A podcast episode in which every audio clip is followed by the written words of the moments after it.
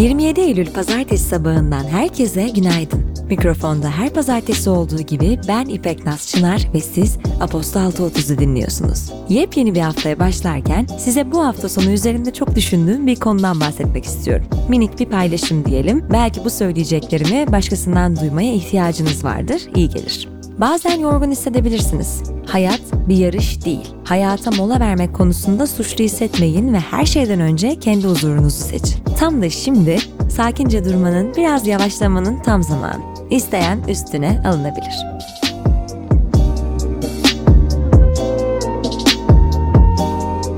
Bugünün bülteni Arkitek destekleriyle ulaşıyor. Türkiye ve yurt dışında birçok bankanın ve finans kuruluşunun bankacılık ve finansman altyapısını sağlayan Arkitek, yeni dönemde tüketici finansmanı, tedarikçi finansmanı ve yatırım bankacılığı çözümleriyle faaliyetlerini genişletiyor. Ayrıntılar bültende. Güne başlarken TÜİK hafta içinde Eylül 2021 Ekonomik Güven Endeksi ve Ağustos 2021 dış ticaret istatistiklerini yayımlayacak. Cumhurbaşkanı Erdoğan ve Rusya Devlet Başkanı Vladimir Putin çarşamba günü Moskova'da görüşecek. Çarşamba günü Japonya'nın yeni başbakanını da belirleyecek Liberal Demokrat Parti seçimleri gerçekleşecek. Piyasalar ve ekonomi Birleşmiş Milletler, yenilenebilir enerji kaynaklarının artırılması için hükümetlerin ve özel sektörün 400 milyar dolardan fazla finansman ve yatırım taahhüdünde bulunduğunu açıkladı. Birleşmiş Milletler, 35'ten fazla ülke ve Total Energies, Schneider Electric ve Google gibi şirketlerinde yeni enerji taahhütlerinde bulunduğunu bildirdi. Taahhütler gelişmekte olan ülkelerde kaynaklara erişim ve enerji verimliliği alanında yapılacak projeleri kapsıyor. Uluslararası Para Fonu Başkanı Kristalina Georgieva, küresel fosil yakıt sübvansiyonlarının 2020'de yaklaşık 6 trilyon dolara ulaştığını açıkladı. Birleşmiş Milletler Genel Kurulu'nda konuşan Georgieva, 2025'e kadar fosil yakıt fiyatlarının çevre ve tedarik maliyetlerini tam olarak yansıtacak şekilde artması halinde küresel karbon emisyonlarının üçte bir oranında düşebileceğini belirtti. Avrupa Merkez Bankası Başkanı Christine Lagarde, Avro bölgesinde enflasyon artışının geçici nedenlerden kaynaklandığını, gelecek yıl daha istikrarlı bir ortam beklediklerini belirtti. Lagarde, enerji fiyatlarında yaşanmakta olan volatilitenin pandemiyle ilgili arz sorunlarından öte piyasa için uzun vadeli bir sorun olabileceğini söyledi. Lagarde, bu durumu fosil yakıtların yönlendirilen enerji kaynaklarındaki dönüşümüne bağladı. İş Dünyası Huobi, Çin'in Merkez Bankası'nın kripto parayla ilgili işlemlerin yasa dışı olacağını ilan etmesinden sonra yeni kullanıcı kayıtlarını durdurdu. Çin'in en büyük kripto para borsası kullanıcıların hesaplarını da yıl sonuna kadar kapatmayı planlıyor.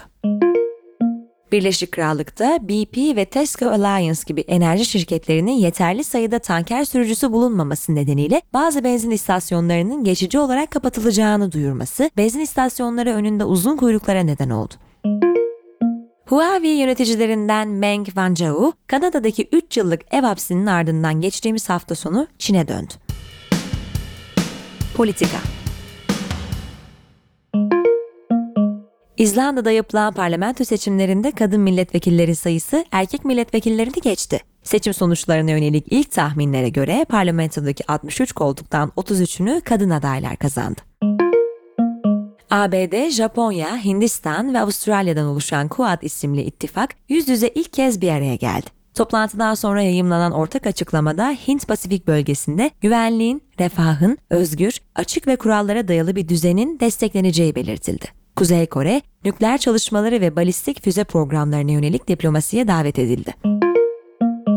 Rusya'da Duma seçimlerinin sonucunu protesto eden Komünist Parti, başkent Moskova'daki Pushkinskaya meydanında gösteri düzenledi. Seçimlerin hileli olduğunu savunan eylemciler iptalini istedi. Gösteriler Ufa, Ekaterinburg, Ulan-Ede şehirlerinde de devam etti.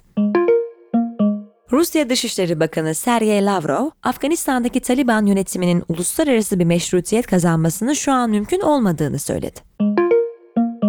Mali'nin ülke güvenliğini artırmak için Rusya merkezli özel şirketlerden destek istediği belirtildi. Rusya Dışişleri Bakanı Lavrov, şirketlerin Mali yetkilileri tarafından davet edildikleri için ülkede bulunmaya haklarının olduğunu, ancak Rusya hükümetinin bu kararla hiçbir ilgisinin olmadığını söyledi. İstanbul Teknik Üniversitesi Erasmus Ofisi'nin açıklamasında Erasmus programlarına katılmaya hak kazanan öğrencilere yalnızca 2,5 ay ve ülke grubuna göre aylık 600 ya da 400 avro hibe desteği sağlanacağı, hibelerin öğrencilerin hesabına geçme tarihinin Şubat 2022'yi bulabileceği bildirildi. Cumhurbaşkanı Erdoğan, üniversite öğrencilerinin barınamıyoruz eylemine yönelik ilgisi alakası olmayan kişileri güya bankların üzerinde yatırarak Türkiye'de şu anda yurt yokmuş diye yalan yanlış kampanyalar sürdürülüyor. Yalan söylüyorsunuz, hayatınız yalan. Bizim yurtlarımız ortada, dedi. İyi Parti Genel Başkanı Meral Akşener, Cumhurbaşkanlığına aday olmayacağını söyledi. Başbakanlığa talip olduğunu dile getiren Akşener, kim aday olacak kısmında seçilecek ve kazanacak bir aday olacak, dedi. Teknoloji ve Startup Yandex, Almanya'da 30 milyon dolarlık yatırımla bulut teknolojileri işine girmeyi planlıyor. Rusya merkezli şirket, bu yatırımı şirket içinde hala küçük bir iş alanı olarak konumlanan bulut teknolojilerinde küresel bir oyuncu olmaya bir adım daha yaklaşmak olarak görüyor. Twitter, platforma yüklenen videolardaki kaliteyi iyileştirdiğini, yeni yüklemelerin artık daha az pikselli görüneceğini duyurdu. Spor Milli sporcular Yasemin Ecem Anagöz ve Meze Gazoz'un oluşturduğu klasik yay karışık milli takımı ABD'deki Açık Hava Dünya Okçuluk Şampiyonası'nda Japonya'yı 6-2 mağlup ederek bronz madalya kazandı. Milli yüzücü Derin Toparlak, Kolombiya'nın Santa Marta şehrinde organize eden CMAS paletli yüzme açık su dünya şampiyonasında 5000 metre su üstü yarışında dünya şampiyonu oldu. Milli motosikletçi Toprak Razgatlıoğlu, İspanya'da Dünya Superbike Şampiyonası'nın 10. ayağında ikinci yarışta birinci oldu. Böylece milli sporcu hafta sonu İspanya'da iki kez birincilik elde etmiş oldu. Teknik direktör Kenan Koçak, A milli futbol takımında teknik direktör Stefan Kuntz'un yardımcısı olduğunu duyurdu. Formula 1'de sezonun 15. ayağı Rusya Grand Prix'sini Mercedes'ten Lewis Hamilton kazandı. Soçi kentindeki yarışta son sırada başlayan Red Bull sürücüsü Max Verstappen ikinci olurken üçüncü ise Ferrari'den Carlos Sainz Jr. oldu.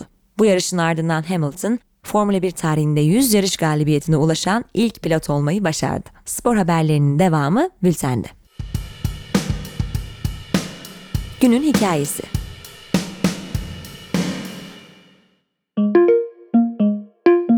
Sevgili İlkim Emirler sizler için kaleme aldı. 16 yıllık liderliğin ardından Angela Merkel'in görevini resmen sonlandırdığı Almanya'da parlamentonun alt kanadı federal meclis için seçim gerçekleştirildi. Saat 22.30 sıralarında gelen son bilgilere göre Sosyal Demokrat Parti %25,5'lik oy oranıyla seçimi önde götürüyor.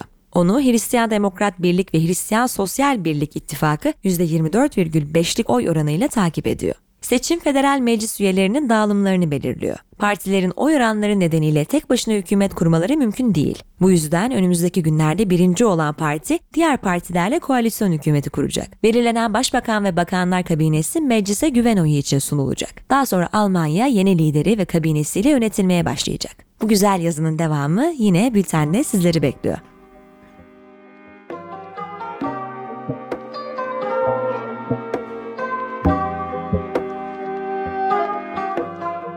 Evet sevgili Apostol 30 dinleyenleri.